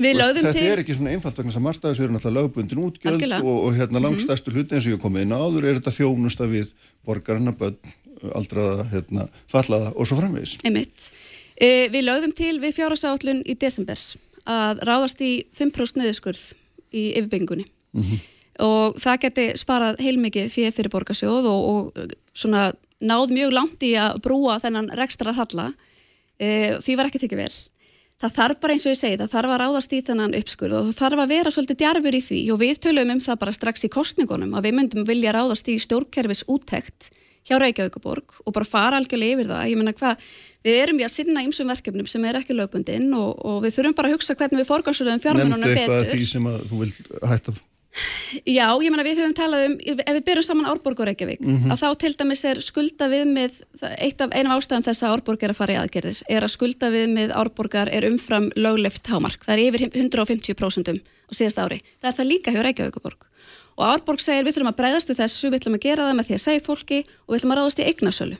og hvori tveggja hefur verið stefna okkar sjálfstæðismanna. Við, það er sárt og erfitt að segja það upphátt og þá mm. þóraði ekki allir en það þarf að ráðast í uppsagnir því miður og ég trúi því að yngum sé greiði gerður heldur að vera uh, ónóttæft húsgagn eitthvað staðar í starfi eitthvað staðar sem að þú kannski getur blómstra betur eitthvað staðar annar staðar í atvinnulífi. Uh, og svo þarf að ráðast í eignasölu. Og þetta höfum við líka oft bent á. Og borgin á ymsar eignir stendur jáfnvel í samkernisrekstri sem við erum þeirra skoðunar að þetta ofinbæra er ekki að gera. Mm. þannig að það eru svona ymsar leiðir til þess að taka þessum rekstri. En auðvitað er það fyrst og fremst að ráðast á útgjöldin, uh, fækka starfsfólki, jú, ráðast í eignasölu Þannig að við höfum líka talað fyrir auðvitað aukinni lóðasölu að byggja hérna viður um borginna, það eru einskiptistekjur svo sem en mm. það getur fjölgað í búum hér og, og skattgreðendum. Þannig að það eru margar leiðir en fyrsta skrefið og þetta var líka svo áhugavert að í kynningu hjá Árborg sem KPMG held á stórum íbúafundi í síðustu viku eða í liðinni viku og þá kom fram kjörnir fulltrúar er að horfast í augu við vandan. Mm. Og það eru auðvitað algjört grundvallar atriði þar og það er algjörlega til fyrirmyndar og það er það sem við sjáum er ekki að gerast hér í Reykjavík. Hér er ekki verið að horfast í auðvið vandan. Jafnvel þó allar þar ástæður sem eru dregnar fram hjá Árborg fyrir því að þau eru að fara í þessar aðgerðir, þar eru nákvæmlega sambarilegar aðstæður upp í Reykjavík. Mm. Það er bara algjörlega mjög einfalt að teikna það upp. Þannig að ég lýsa þetta bara mjög þungum áhugjum af stöðunni í borginni. Það er til að mynda stór gælda í framöndinu næstu viku, það er skuldabref og gældaga, mér reiknast til að það sé um 1,4 miljardar mm -hmm. gældainn sem framöndan er og ég hef ekki fengið svör við því hvernig eigi að mæta þeim gældaga e, hvort að skuldabræfa útgáfan í síðustu viku hefði átt að vera liður í því að endur fjármagna, það er allavega hérna, sakat fjárhásáallun þá eru, eru lántökur e, liður í því að mæta svona grunn skuldbendingu sveitafélagsins á þessu ári þannig að jújú, jú, borgir mér finna leið til að mæta þessum gældaga, en hvenar kemur að því að við getum ekki mætt svona stórum gældugum. Maður mhm. óttast að þetta og við erum farin að finna fyrir þessu bara í daglegu lífi í þjónustunum við borgarana en vallar er nú þannig að það sé, það sé torsótt að sækja upplýsingar um það hvernig borgin ætlar að hérna, sinna uh, þessu. Við höfum lagt fram fyrirspurnir, munnilega og skriflega og sumt er auðvitað í trúnaði þannig að ég mm. getur svo mikið upplýst nákvæmlega um hvernig svörum voru en mér hefur þótt að vera loðin og ekki mjög skýr, því miður. Mm -hmm. En er, er svona, hérna, já, þetta er Þetta er áhugavert hérna og þannig þú, þú telur bara að staðan sé í raun og veru eins og þetta lýsinni, hún sé bara svart hún er bara mjög svört og borgarstjóri sagði fyrir áram og við höfum séða svartara, við mm. höfum aldrei séða svartara mm -hmm. við sjálfstæðismenn höfum verið að kvarta undan rekstri borgarinnar í fjölmörg ár en hann, staðan hefur aldrei verið verið en nákvæmlega núna og það er bara sannleikur og það getur hver sem verið kynnt sér með því að rýna bara opinn fjármálagögn borgarinnar þannig að það eina sem hægt er að gera núna er að takast á við hann að vanda, horfast í augu við hann og fara í aðgerðir mm. Og það eru semst að það draga launakostnaði. Það er... Meðal annars, já. já. Mm. Launakostnaði, útgjöldum og fari í eignasölu.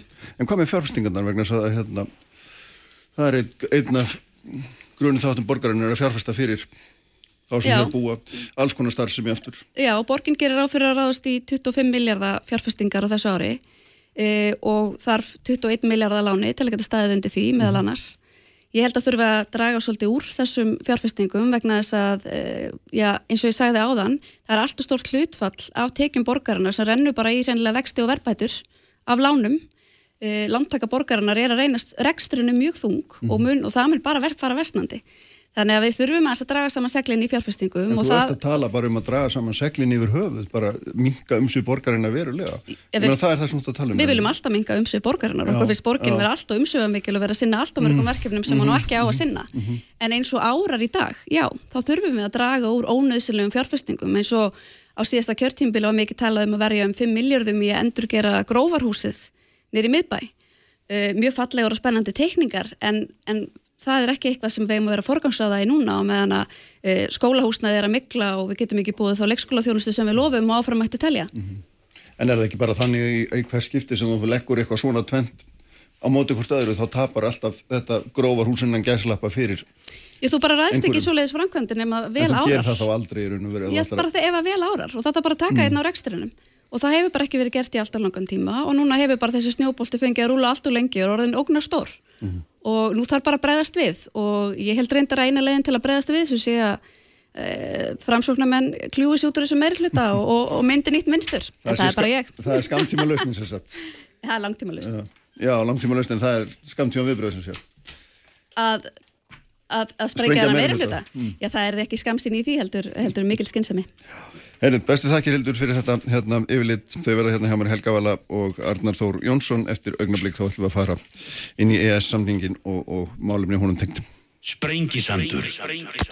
Á bylgjunni. Sprengisandur á bylgjunni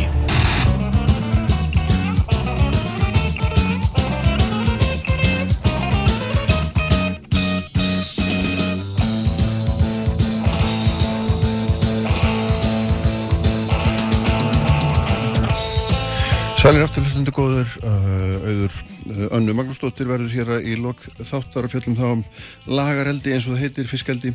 Uh, þau eru hins vegar sest hérna hjá mér Helga Vala Helgadóttir, uh, alþingismæður og Arnar Þóri Jónsson, varaþingmaður, sjálfstæðisflórsins og Helga Vala auðvitað í samfélkingunni, sælu blessuð bæði tvö og velkomin. Takk. Takk fyrir.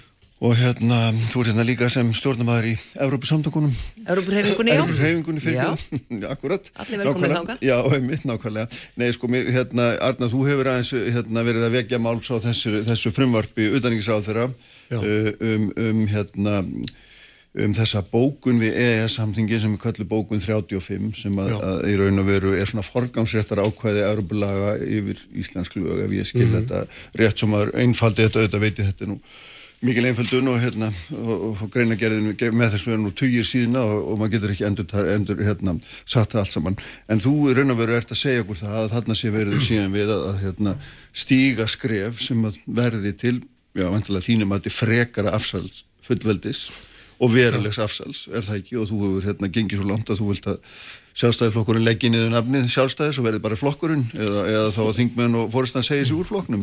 Já, ég- Hreinlega hvorki meirinni minna sko. Svo alvarlegt er þetta þínum að því Já, ég hvað vissulega sko svolítið fasta orði en, en hérna stundum ef maður þarf að til þess að þurfa að vekja fólk og er búin að reyna að gera það mjúklega eins og maður gerir við unglingana sína þá þarf maður stundum að hrista þá það þýr ekki að ég eh, mér finnst ekki vænt um fólk þó ég lefi mér að hrista það stundum og ég tel að máli sé að það alvarlegt að það verðskuldi það alveg að að, að, að höfsju uppi sko varnaðar orð og, og hvað til þess að við förum mjög gætilega hér. Því að ég tel að þetta gangi sko, það fari báa við stjórnarskrá. Ég tel að þetta svo, samræmist ekki líðræðishefðum ég tel að þetta vegi að réttarörgi borgarana og ég tel að þetta vegi að sko öllum fyrirsjáanleika laga og Íslendingar eiga að geta treyst því að, að lög sem alþingi hefur e, í rauninni samþygt, það sé eitthvað sem við getum byggt á. En það sem að þessi forgámsregla þýðir ekki bara mínu mati, heldur að mati fræðimanna eins og Stefáns Már Stefánsson og fleiri, þá, þá er þetta í rauninni nokks konar opinn tjekki þannig ef að þú Kristján ætlar að fara að stopna fyrirtæki og byggir það á ákveðnum gildandi reglum sem þú flettur upp í lagasafninu að þá gæti það, þetta haft þau áhrif að eftir einhverja mánuði kemur maður og segir við þig Kristján það sem þú hefur verið að gera samræmist ekki fjórfrelsis ákvæðinu og þetta er ólöglegt. Þetta er, þetta er opinn tjekki að verður að fara mjög, mjög varlega og ef ég má bæta örstutt við, bara varandi sko sjálfstæðarflokkin, eh, að, að sko stjórnmáli eru döðans alvara og í, bara frá, frá, frá því í Greiklandi hafa menn notað sko samleikingunum með því að við séum í skipi út á, út á hafi. Og við veitum skipstjórnundum ákveðu umbót til að sigla frá A til B og ef að við komum í, komumst að því sem erum áhöfnin að það sé verið að stefna í aðra höfn þá hlýtur að vera réttur okkar og skilda að hafa uppi andmæli og, og krefist þess að á okkur sé hlusta og ef það er ekki hlustað að þá verðum við í rauninni að óskæfti því að, að fólk bara sko, sleppi stýrinu sko. mm. þetta er nú bara þess vegna setja þetta svona fram sko. Hva, Hvernig hérna horfir þetta við þér, Helga Vala? Erum við að hérna er þessi bókun eða breytingin sem að Þórdís Kolbrún er að leggja fram er hún með einhverjum hætti að, að veita Europasambandinu einhvern meira ingripp í okkar lífi og maður orða það þannig heldur en verið hefur Nei, nei, uh, ég ætla nú fyrst að taka það fram að ég ætla ekki að koma hérna til þess að velta mér upp úr tilvistakreppu ha- Það verður að eiga sér stað á öðrum vettvangi. En, en uh, það eru þetta ekki svo. Uh, við uh, settum lög hérna 1993 þegar við tókum ákvörðun sem fullvalda ríki að taka þátt í þessu samstarfi með öðrum Evrópuþjóðum og uh, hluti Norðalandana hérna uh, all, öll Norðalandi voru hérna með og, og hluti þeirra eru ESB ríki og, og, og önnur ekki, við erum, við erum tvöð þarna fyrir utan. Uh, forsendureglan er þannig að hún er ekki algjörlega takmarkalaus að því að hún er þannig og, og okkar megin reglur í okkar réttar fari er að uh, við tólkum lög í samræmi við þjóðréttarlega skuldbindingar okkar. Og það á ekki bara við um þennan samning heldur, heldur einnig aðrar reglur sem að kunna að, að, að skarast að einhverju leiti og þannig hefur það verið. Þegar að við gerðum þennan samning og við verðum einhvern veginn að horfa aðeins á þetta mm -hmm. þegar að við sem fullvaldaríki komum inn í þessa samninga viðræður að þá uh, var það krafa frá Európusambandinu að uh, e, e, Európureglurnar myndu hafa hérna ótvíraðin uh, forgang -huh. og, og, og eftaríkin voru ekki tilbúin til þess en settu inn þessa bókun þá, þessa bókun 35 um að uh, ætt, það ætti, ef skörun yrði, ætti að tólka Evrópureglurnar uh, framar. Já. en þó með ákveðnum skilirðum uh, til dæmis ef það skaraðast á við stjórnarskrá uh, bann við afturvirkni og svo framvegs og þegar að, Arnar Þór er að tala um að þú setir á stopp fyrirtæki á morgun og getur lendið því eftir tvö ára og það sé sagt uh, reglurnar eru breyttar þá er það þetta bara alveg eins og gerist þegar landslögum er breytt. Við erum að, að takast á við þetta hverjum degi í okkar lífi að það verið að breyta lögum og reglum mm -hmm. og, og, og eftir því bara uh, hvernig hendar hverju sinni eða eftir því sem að mál þróast og svo framvís að því að samfélögin eru auðvitað þróast mjög hratt og það er meira hluti á þingi sem að uh, flokkur Arnars Þórs er uh, aðilega að og hefur verið við völd allt og lengi að mínumatti en, en það er enga síður þannig að hérna meiri hlutin setur lög stundum stundum við í samfélkingunni þá lagarsetningu stundum erum við algjörlega ósamála en það er þá þar sem við þurfum kannski að vera að velta fyrir okkur þessu, þessum álita efnum uh, það sem að Þórtís er eins og er að gera núna er að hún er að laga vandræðagang sem hefur verið undarfarna áratugi. Þar að segja að þó að domstólar hafi tólkað regluna og þessa bókun og þessa þriðjugrein ES lagana með þessum hætti að það sé ákveðin svona forgangur uh, á þessum reglum að, að, að þá kom alltaf upp þessi álitefni og við fyrum að efast um sé rétt og allt þetta. Þannig að hún er bara að leggja inn þessa áréttingu núna í EES lögin að það sé bara, það sé bara skýrar hverðið á um þetta. Já. og þetta er ekki þenni, þetta... að þínum að þetta er neins konar afsal á nei, okkar fullverði sjálfsákunin rétti dómstóla eða nokkuð svarnar nei nei, nei, nei, nei, alls ekki. Og það er alveg stránt eh, tiltekið í greinargerð var í greinargerð með lögunum EES lögunum 93 og svo framvegs og framvegs Sko, við skulum bara rifja það upp og við, það er holdt að hafa það hér á hreinu að það var algjör grunnforsenda aðeldar Íslendinga að samlingum 93 að, að lögjavaldi er ekki framselt. Og þess vegna hefur við búið við þennan veruleika og það, og það sem að EES-reglur hafa stangast á íslenska rétt hefur það verið leist með tólkun í, í dómaframkvæmt og það sem að hérna, menn hafa ekki geta byggt þá á, á, á EES-reglu sem er kannski 1% tilvika þá hafa menn fengið einfallega bætur. Þannig að vandamálið hefur í rauninni ekki verið neitt risavaksið mm -hmm. og ég sé ekki hver hinn kníjandi þörfur á því að við förum að keira málið í þennan farveg með þessum asa og aftur með skipi, sko, ef það á að breyta stefnu, að þá, er, þá myndi ég halda rétt forgámsögum var í svo að fyrst er þið það kynnt, síðan er það rætt, síðan er það kosið um það og, og síðan er þá stefninu breytt. Við gerum það ekki þegar í röða við breytum stefnu ætlum síðan að fara að ræða.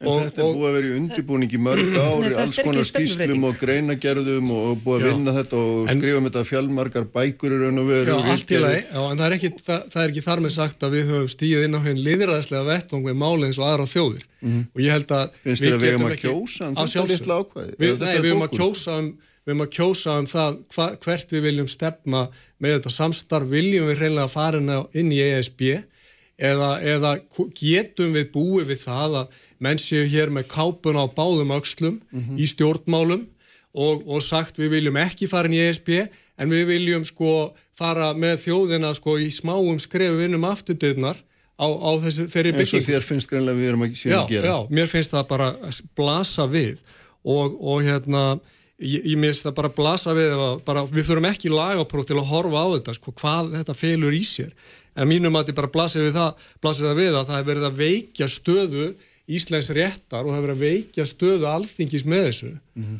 og, og maður þurfa bara að vera heiðarlegi með það og líka spurja sig sko, býtur, ok, ef að það er, að það er hérna, eitthvað sem að þarf að taka á í þessari framkvæmt er þetta frumvarp að leysa þann vanda eða er þetta frumvarp að búa til önnur vandamál og mögulega miklu stærri vandamál. Nú er rétt að taka fram að þetta frumvar sem við tölum um er bara ein málskriðin. Vissulega. Og, og þetta er ekki eins og þetta sé eitthvað hérna ofsalega mikið og það er, það er hérna, þetta er, já, þetta er bara ein, ein málskriðin.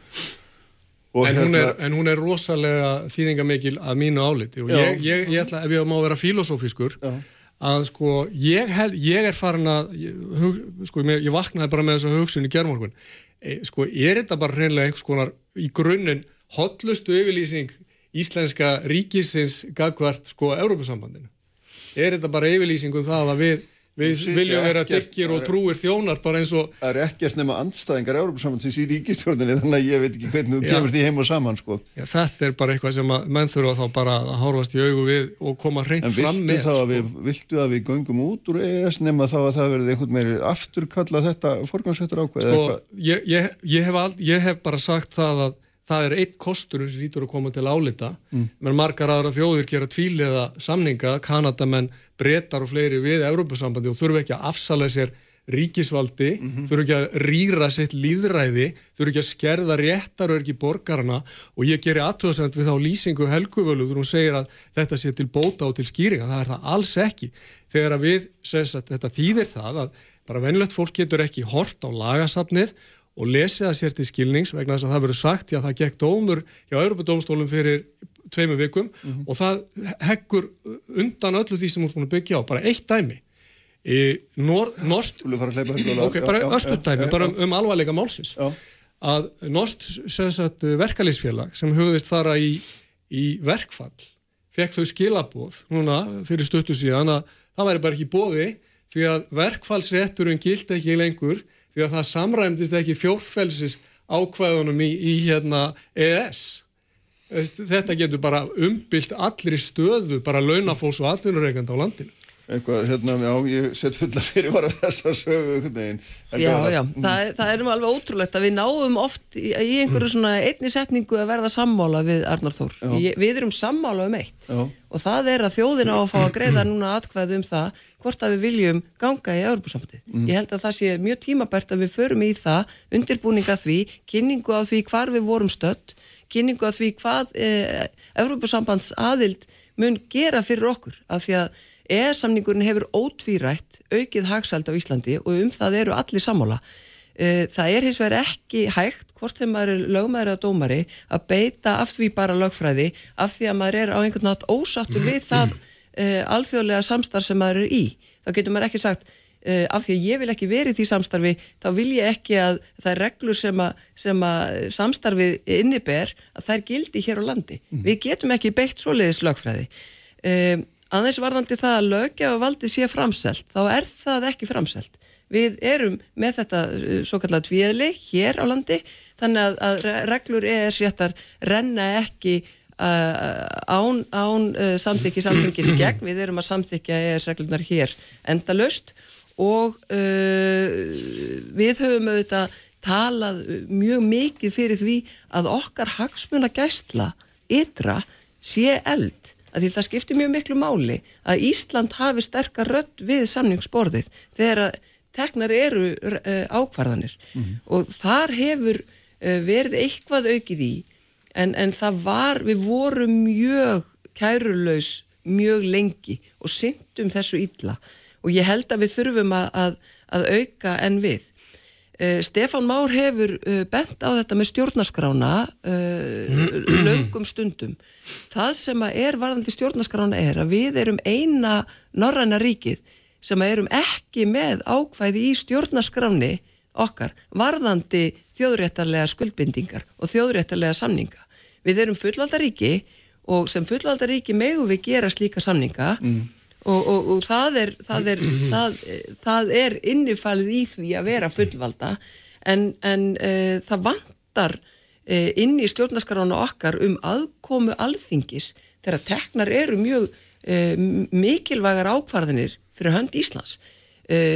Skemst er að minnast þess þegar tveir stjórnmálamenn tóku ákvarðin um þáttöku Íslands eða stuðning Íslands við Írakstriðið.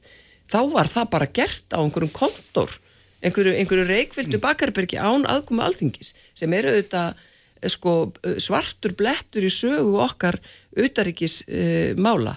Uh, svo eru ekki heimildir í stjórnarskráni til að framselja ríkisvald eða einhvern þátt að þess til alþjóðlega stopnana sem Ísland á aðild að. En það hafa normenn gert og auðvitað önnu ríki sem að nú eru Sett slíkt ESB-ríki, ákvæði inn í mennum. sett slíkt Já, ákvæði já. inn í stjórnarskrána. Og það er mjög mikilvægt að það sé sett slíkt ákvæði til þess að það alþjóðasamstarf sem við erum í sé uh, sko ótvíræð heimild.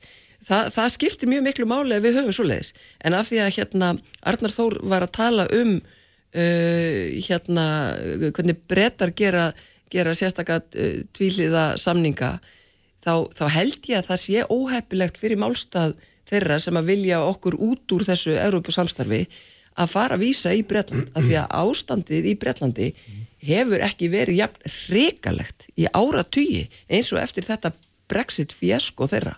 Og ástand af því að þetta er þetta Evrópusamstarf er sko að, sko að öllu leiti til verndar okkur almenningi fyrir ríkisvaldinu og, og, og til, til, til verndar fyrirtækjum fyrir ríkisvaldinu til þess að, að samræma og til þess að, að, að greiða leið okkar og tryggja svona, svona neytendarétt og ímis öryggismál og mannréttindi og þess að þar og þess vegna, þess vegna eru brettar auðvitað bara í, í tómu tjóni sko, að mörgu leiti Sko það er, það er hérna, þeir sem að tala fyrir þessari bókun halda því meðal annars fram að, að, að hún tryggi einmitt öryggi borgarana Nú. og hún sé til hagspota fyrir okkur vegna þess að hún hérna, skýri ákvæði sem voru óskýr og tryggi hérna, það einmitt ef við ætlum að fara og, og láta að reyna á rétt okkar einhver staðar þá hérna, það sé ótvírætt að það geti það sé ótvíræðara Já, við það- höfum rétti þess Já, ég vil bara undirstryka það aftur. Þetta hefur ekki verið vandamál í framkvæmt. Og í 99% tilveika hefur þessi mál bara list mjög farsalega. Menn geta þá sótt bætur finnst þér þá núverandi bókun vera bara nógu skýr eða hvað? Já, mér finnst hún bara nógu skýr og hún, hún er alveg í samræmi við þessar fórsendur sem ég nefndi áðan að það á ekki að selja, fram, framselja lögjafald úr landi Nú er í öllum greinagerðum alltaf tekið nákvæmlega fram því gagstaða. Þetta er ekki framsal. Já, ok. Það er alltaf satt, já. Það er ekki verið að Ég vil- breyta ég vil- tvíðilinu, sko. Það er svo mikilvægt að við nefnum þá grund, grundvallar atriði, sko. Það er að segja að ræðum um formið annars vegar og efnið hins vegar.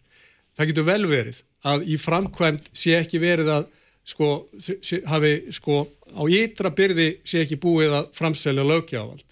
Í framkvæmt er búið að gera það. Í framkvæmt höfum við í 30 ár sagt já, já, já, já, já við öllu, aldrei beitt neitunavaldi og þetta hefur verið hömlulegs innleiðing á Evrópurétti í íslenska rétt. sem sagt engin breyting Það, það, þetta er staðrind. Við, höfum- við höfum verið að horfa á þetta og, og hérna og Af því alþingi að við gengum inn í þetta samstarf Já, sem fullvalda en ríki með nota bene- bæði augun opin, ekki Ná, jú, en nótabeni með þeim skýru skilmálum að við hefðum alltaf neitunavald og að, að alþingi Íslendinga ætti alltaf síðasta orðið.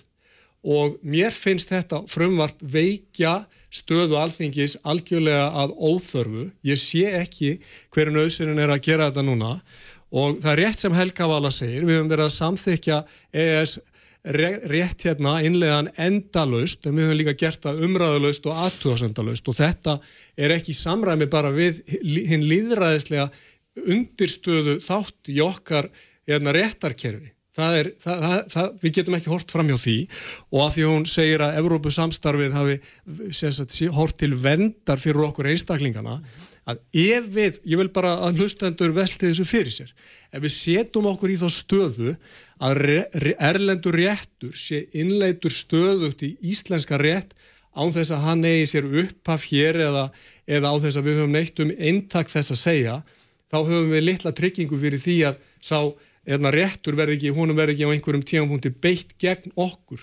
Og það sem að ég er að segja og allir lögfræðingar vita er að fjórfrelsis ákvæði sem er nokkuð skonar yfir stjórnarskrá Európusambandsins er í samræmið það sem ég er að segja áðan Kristján, þetta er ekki einhver, ég er ekki að búa eitthvað til einhver, einhverja draugasögu að sko þegar til kastana kemur og íslensku réttur í einhverjum formi an, er í anstöðu við þá fjórfrelsið, þá víkur íslensku réttur bara til umhugsunar.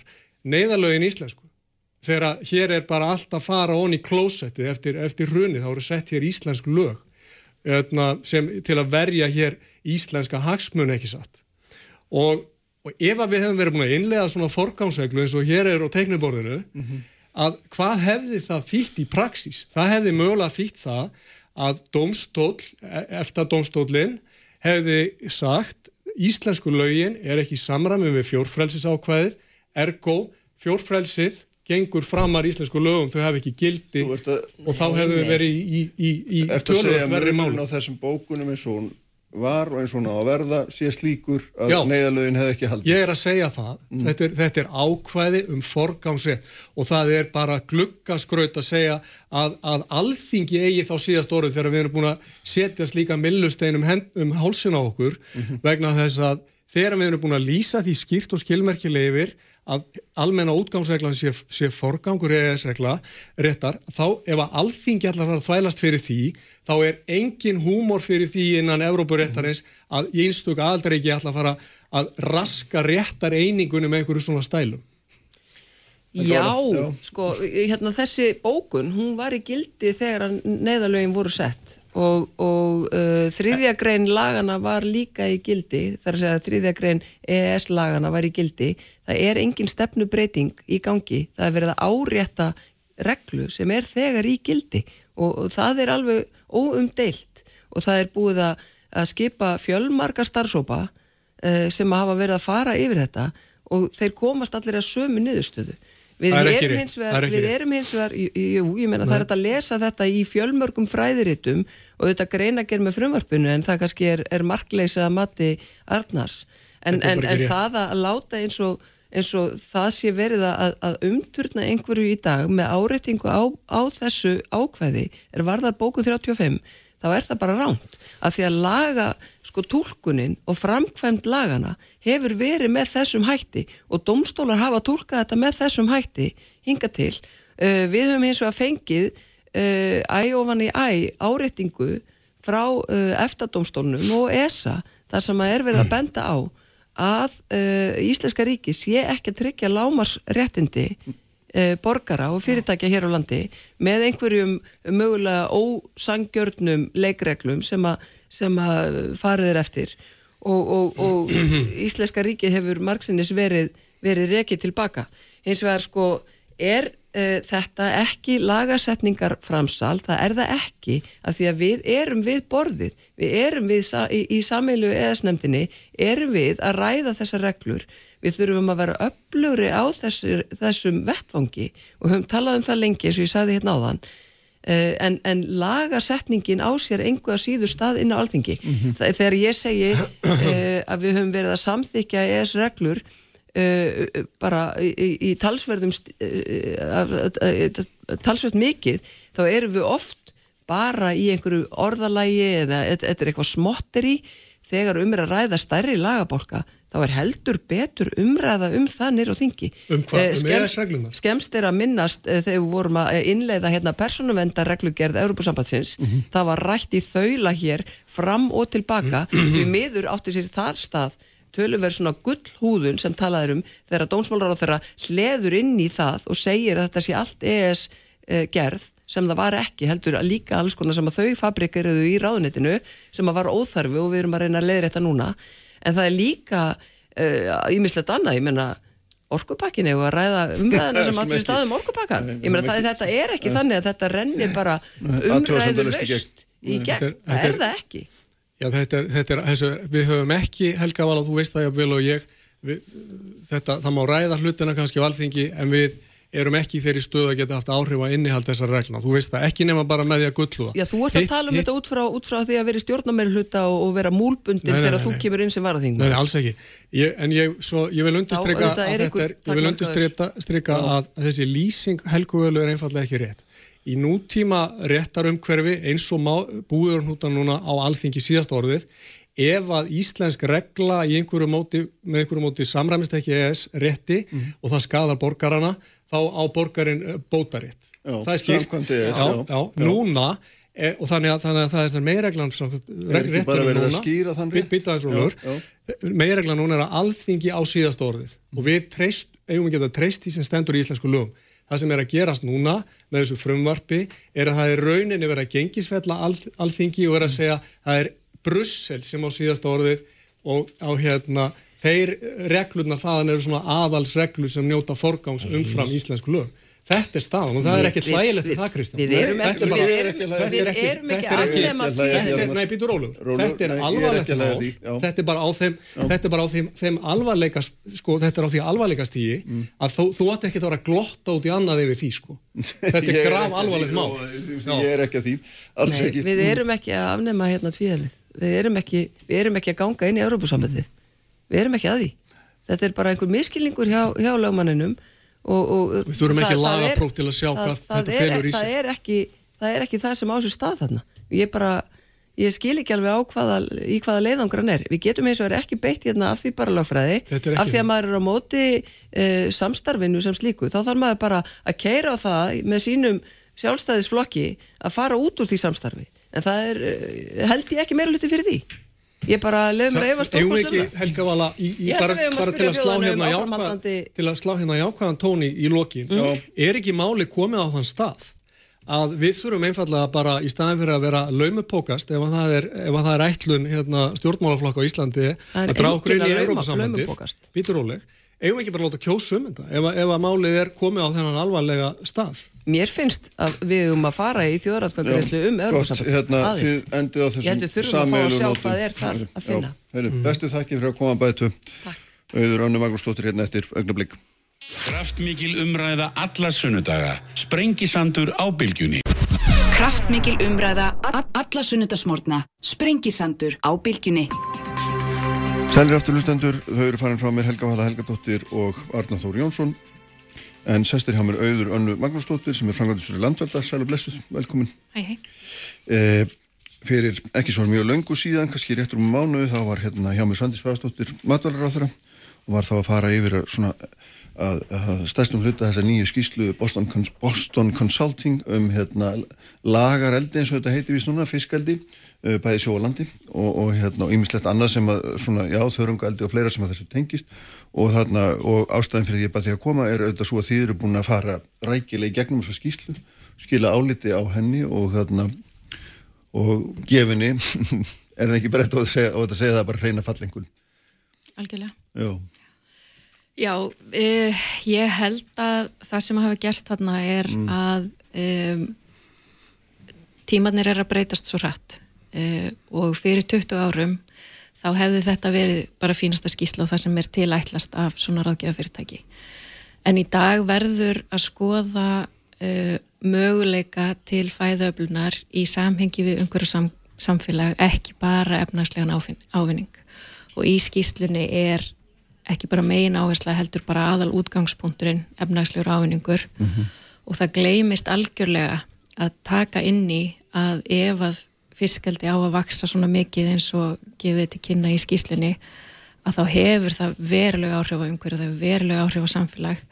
Eh, en það er eins og þeir sem að skrifa skýsluna gerir sér enga grein fyrir að það sé raunverulegar takmarkanir á því sem að varða eh, bara öðlindir eh, eða þól samfélags eins og þól innveða eða bara orguöflun mm. gerist ekki grein fyrir því að þessir takmarkanir eru til staðar. Þannig að þetta er svona einhvern veginn skrifað í einhverju lofttæmi.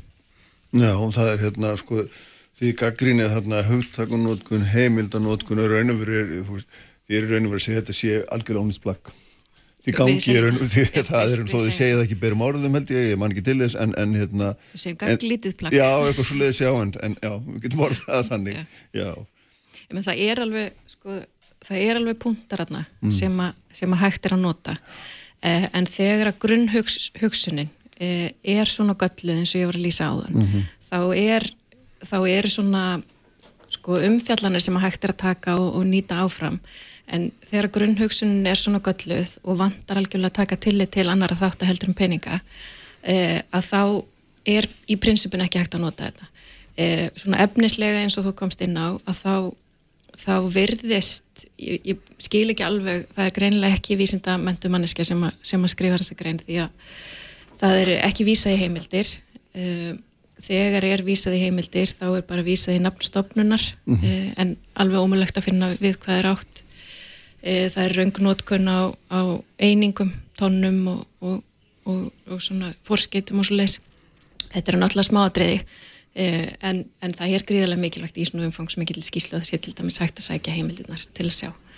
Eh, en skíslan byggir all á eh, svona nokk þremur sviðismyndum mm. og, og við gaggrínum líka að þær séu algjörlega ónóttæver því að óbreytt sviðismynd gerir ráð fyrir því að það verði ekki farið eftir þeim tillögum sem að ríkisöndu skoðandi kom með um, umbætur í stjórnstíslu og eftirliti kakvart fiskaldinu en sviðismyndin heitir óbreytt eh, en samt er gert ráð fyrir 13% vexti á ári í sjókvíaldi og yfir 20% vexti á ári í landeldi. Það er náttúrulega ekkit óbreytt við þetta og það er ekki alveg óraunhæft að það verði yngar breytingar á eftirldi og, og hérna, stjórnsíslu eftir það sem kom mm -hmm. frá e, ríkisendurskóðunda. Já, e, við getum tala mjög lengi um þetta eh, en það er líka greinilegt að, að Boston Consulting Group hefur ekki grunn í umhverfisfræðum eh, eða eh, eða svona grunnhugtökum í umhverfsmálum eins og varðandi lósum gróðrúsaloftegunda, varðandi ringrásarhagkerfi og varðandi grunnreglur umhverfsréttar sem eru til dæmis mengunabótareglan sem að segja að sá sem mengar borgar. Mm -hmm. Þannig að við getum ekki séð annað en að e, Boston Consulting Group sé bara að skrifa þessa skýslu fyrir fiskaldisiðnaðin e, og þetta séu reyni draumurar um hvernig þessi grein getur vaksið og vaksið og vaksið án þess að taka til til þeirra raunverulegu takmarkana sem að raun heimurinn setur þeim. Mm -hmm. Auðvitað er hægt að búa til alls konar svona útreikning af bladi ef þú ert í svona hagfræði pælingum en við erum raunveruleika hérna og þetta verður að vera í, í sambandi við hann. Já, þannig að hérna Þannig að það, það er gaggrínan gengur út á það að þetta sé þessi ofur áherslu á, á efnaðslegan ávinning. En farða hans í gegnum það með mér svona bara östuð sko hvað er það sem vantar þegar kemur að umhverfisáhrifna vegna sem ég las náttúrulega skýslu og það er náttúrulega eftir því sem ég fæ best í auðvitað er ég ekki sérfræðingur í þessu en það er heilmikið fjallað um, um hérna, áhrifin á umhverfi en greinlega það bara fullkomlega ófólnægandi eða hvað að, að ykkar mandi. Já og bara uh, svo rosalega öfugsnúið mm -hmm. sko hugtökin eru nótuð eins og það er talað um uh, að landeldi sé rosalega gott fyrir ringrásarhagkerfi uh, landeldi hefur þann kost að það er hægt að nýta úrgangin en í skýslun er gert ráð fyrir að bæði sjókvejaldi og landeldi vaksi gríðarlega þá erum við ekki að tala um ringrásarhagkerfi, þá erum við bara að tala um aukin umsvið, við erum bara að tala um stækkun. E, það væri hægt að segja að landeldi væri mikilvægt inn í ringrásarhagkerfi ef að sjókvíaldi mingaða móti þar sem er þá hægt að nýta úrgangin, en því er ekki fyrir að fara. E, það sem að við erum líka að leggja miklu áherslu á e, varandi umhversmálinn er að í svo kallari grunnsviðsmynd sem er líka gríðaleg aukning á e, lagseldi á Íslandi e, að þá gert ráð fyrir því að þessar tvær, þessi tvö svona burðarþólsmat og áhættumat erðablöndunar sem að eru eiga að meta sko hvað fyrðirnir þóla mikið af lífrænum efnum semst skít og döðum fiski og fóðri mm -hmm. inn í vistkerfið og eiga að meta hættun á því að það verði erðablöndum við viltalagsastofna. Í skýslunni bara gert ráð fyrir því að þetta stækki en algjörlega á, án þess að skýra sko hvað verður til þess að burðarþólsmatti verður auki verulega eða að áhættum að derðablöndunum verður auki verulega. Það er sagt að um, það verður kannski um, hægt að nýta lokar eða halvlokar sjókvér en í svona langri skísli þá þarf að fjalla almenlega um það og það er ekkert nema bara sagt að þetta getur orðið Eh, en svo er fjallað til dæmis um tæknimál mjög ítalega fyrir útafseldi og landeldi en það er Mm. ekki fjallað um þessa tækni sem er hins vegar grunnurum fyrir því að þessa sviðismyndi getur orðið raunveruleika. Þannig að svona, sko, því nú hef ég séð það að og séð að heyrta, þetta er svona þetta er stefnumótunar plaggið fyrir eldiðin í framtíðin en til þess er þetta unnið og, og hérna vissulega sagt að, að, að á aðtóðasendi verði hlýtt en, en ég, meina, það er þá hérna, ég meina, þá er þetta, þetta, þetta þessi sviðsmynd sem við erum að horfa á það er þessi, þessi mikli vöxtur sem að þú ert að, hérna, og því að, að gaggrína uh, á fórsendum umhverfis en, en vantarlega líka grundvallar ágreiningur um það hvernig atvinnustefnun á að vera háttað ekki satt fæðu hérna öflunum svo framvegis ég meina þetta er, það, þar liggur einhverju leiti líka ykkar ágreiningur við þessa niðurstöður Já og líka bara í hvað orkan á að fara. Mhm. Við erum að tala um hérna séu orkuskipti í framtíðinni og stjórnvöld hafa algjörlega lagt áherslu á það að við ætlum að fara í orkuskipti.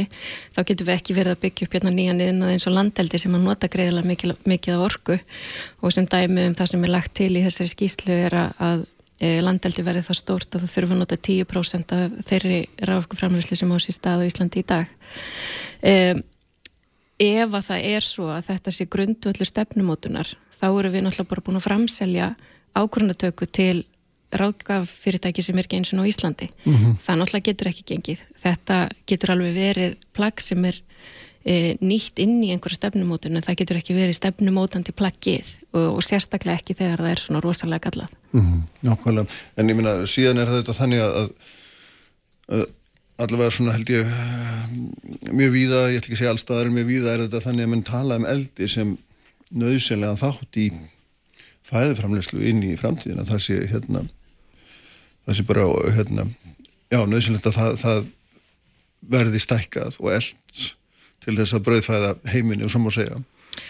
Já, það er bara mjög margir sem að tala þannig og, og örgulega meiri hlutin sem að tala þannig. Já, en Eh, eru þið að hafni, þið því eða hvað? um, svo ég tala fyrir mig persónulega uh, þá uh, er það náttúrulega algjörlega ljóst að við þurfum að færa okkur frá kjötneyslu og dýraafurðum og miklu meira yfir í plöntaafurður. Uh, það sem að lagsin getur er mannafæða. Hann getur ódýran fisk uh, og hann getur sojabönir og þetta er allt fæða fyrir fólk og það er mjög órögrétt uh, að taka þessa fæðu sem við getum getið, láta hann að fara í gegnum uh, fisk og geta síðan fiskin. Það, ef við værum að hugsa um sko, hvað væri umhverfisvænast þá ættum við að nýta orkuna sem best í gegnum fæðið sem er náttúrulega gert með því að geta fæðinu bara sjálf ekki vera að láta hann að fara í gegnum hérna lags og þá er algjörlega eftir að tala um það að það þarf að flytja þetta fóður uh, þvert um heiminn fyrir hann og endilangan. Já, hvað svona, hérna, hvað finnst þér að vera svona, hvað maður að segja, hver ætti að vera næstu skref?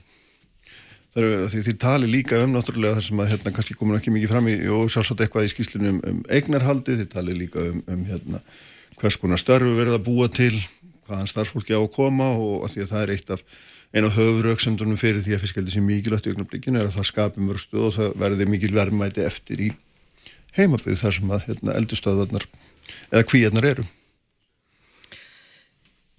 Já, en uh, við vitum það líka að það er mikil skortur á vinnuafli á Íslandi. Uh, það er verið að flytja inn uh, mikið af starfsfólki og í landi þar sem að það er staðan, þar sem að það er skortur á vinnuafli en ekki skortur á atvinnu. Já, á öðrum stöðum lítur þetta náttúrulega öðruvísi við og þetta er ekki svona one size fits all. Mhm. Þannig að fyrir okkur þá er það að skapa atvinnu, það veldur líka svo kallum ruðningsáhrifum. Þannig að uh, þessi yðnaður er þá að taka störf frá öðrum. Uh, þetta er yðnaður sem að þarf að flytja inn starfsfólk og það er alveg viðkjönd í skýslunni að þannig er mjög oft verið að nýta starfsmannaleigur sem er þá ekki fólk sem er að setja stað á stöðunum ég er ekki að segja það sé algilt en, en það er talað um það í skýslunni að Mm. starfsmannaleigur séu, séu nýttar það er fólk sem er þá bara tímaböndið á staðnum e, e, fær ekki sömu réttindi og, og, og venjulegt verka fólk e, og skapar minni tekjur fyrir minni ofnbjörgjöld Mm. e, og er ekki að taka þátt í því að byggja upp samfélagin eins og við viljum auðvitað fólk geri ef að markmiðið er að e, um, svona, ef þetta eru byggðarög fyrir því að gera þetta. Mm, mm En hvernig sjáu þið, og sko það er eitt af því sem er líka áhugaverð það sem þið er að nefna og það er, það er hérna, þú hérna, talan eins um hérna, mengunar skattin sjálfan mm. og, og það er hérna eitt af því sem að, að því leiki til í raun og veru og maður getur orðað að þannig ykkar, ykkar greina gerði er það að, að verði hérna með noti kólumskjöld til þess að, að hérna, til þess að afla tekna á raun og veru að sko íta undir lofslagsvæna framleyslu sem að segja hvernig sjáu þið fyrir ykkur að þessu verið byggt? Já, við höfum náttúrulega bara talað um þetta fyrir uh, mjög mikið af yðnaði. Við teljum og OECD og mm. í sjöðurinn og fleiri að kórlöfnisgjald sé fljótviskarsta leiðin til þess að draga úr losun. Um, það verður náttúrulega gæta því að, að gjaldið sé réttlátt og ef að gjaldið er sett svona sérstaklega innan ákveðin að geyra uh, þá er hægt að leggja á mengunargjald eða kólumsgjald uh, sem er fyrir bara í lokaðan sjóð mm -hmm.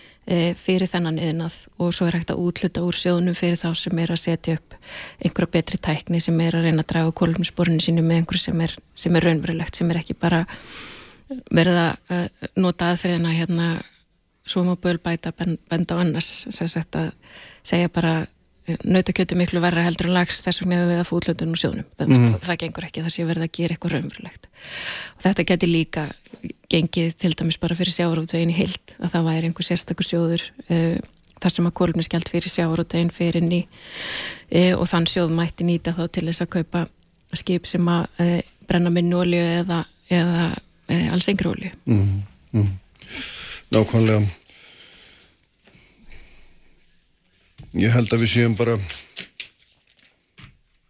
komið nokkur næri næri þessu er það ekki Já, en það. þú spurðir hérna hvað okkur finnst að hérna, ætti að gera Já, Það þarf auðvitað að halda áfram þessari stefnumótunum vinnu en við já. vörum bara gríðarlega mikið við því að nýta þetta sem eitthvað sannleika því mm. að grunnsviðsmyndirnar eru eitthvað sem ekki er hægt að byggja á þess vegna leggjum við til að það verði gerð önnur skísla eða skipaður starfsópur mm -hmm. sem á að taka þau gögg sem hafa komið fram meðal annars skíslu ríkisendurskoðunar og þessa skíslu og, og allar umsagnir sem hafa borist og reyna að vinna eitthvað gaglegt út úr því en, en alls ekki nota þetta því að bara efnis vandamálin þarna, bara framsetningavandamálin sína að þessu er ekki treystandi En hvað er það sem þú kallar vinna eitthvað gaglegt?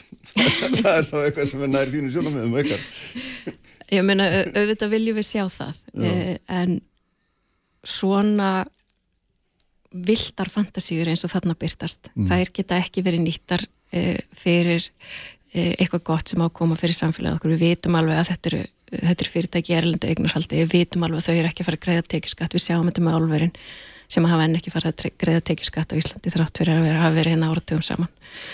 Um, við vitum alveg að það eru mörg samfélag eins og á segðisfyrði sem að hafa sagt nei við viljum ekki sjókveildi mm -hmm. þetta er gríðarlega mikilvægt fyrir íbúna þar en það ná bara að setja sjókveildi niður það má ekki vera bara efnagsleg rauk fyrir því að við séum að fara eh, við séum að fara í einhvern ákveðin að fara að stækka einhvern ákveðin þetta verður að vera gert í góðu samtali mm.